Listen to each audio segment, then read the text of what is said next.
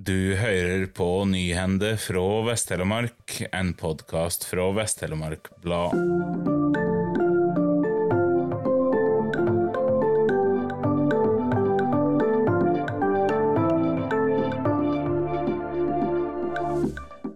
Et samrøystes kommunestyre i Nissedal har sagt ja til detaljreguleringsplanen for Buvatn på Kyrkjebygdheia og godkjent plan for mer enn 100 tomter.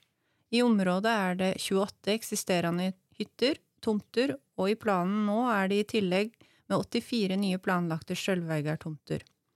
Av de 84 nye planlagte sjølveigartomtene for frittliggende fritidsbostader er ti fortettingstomter mellom eksisterende hytter. Det er planlagt bilvegg fram til hver tomt, med unntak for fire av de eksisterende hyttene.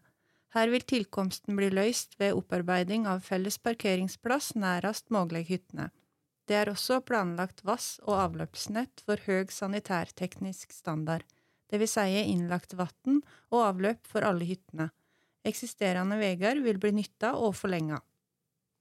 Seljord kommune stør nasjonalt landstadssenter med 40 000 kroner, og mener de gjør en formidabel jobb med å samle skrifter, finansiere og få trykt seks store bind om skriftene etter Magnus Brostrup Landstad, som var prest i Seljord i perioden 1839 til 1849. Kommunen mener Landstadsenteret gjør stoffet etter den norske presten, salmedikteren, folkeminnesamleren og salmebokutgiveren mye mer tilgjengelig for publikum og forsking. 4. og 5. august blir Nesedagene arrangert på Rauland for tolvte gang. Her vil Ni Liv, Knut Buen, Halvor Kleppen og Alexandra Rotan og Keiino stå på scenen, melder Liv Bente Tvenge på Neset gard i ei pressemelding.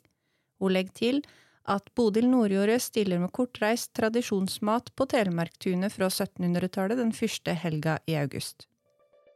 Tusen takk for at du hørte på. Denne sendinga var produsert og presentert av Tone Tveit for Vest-Telemark Blad.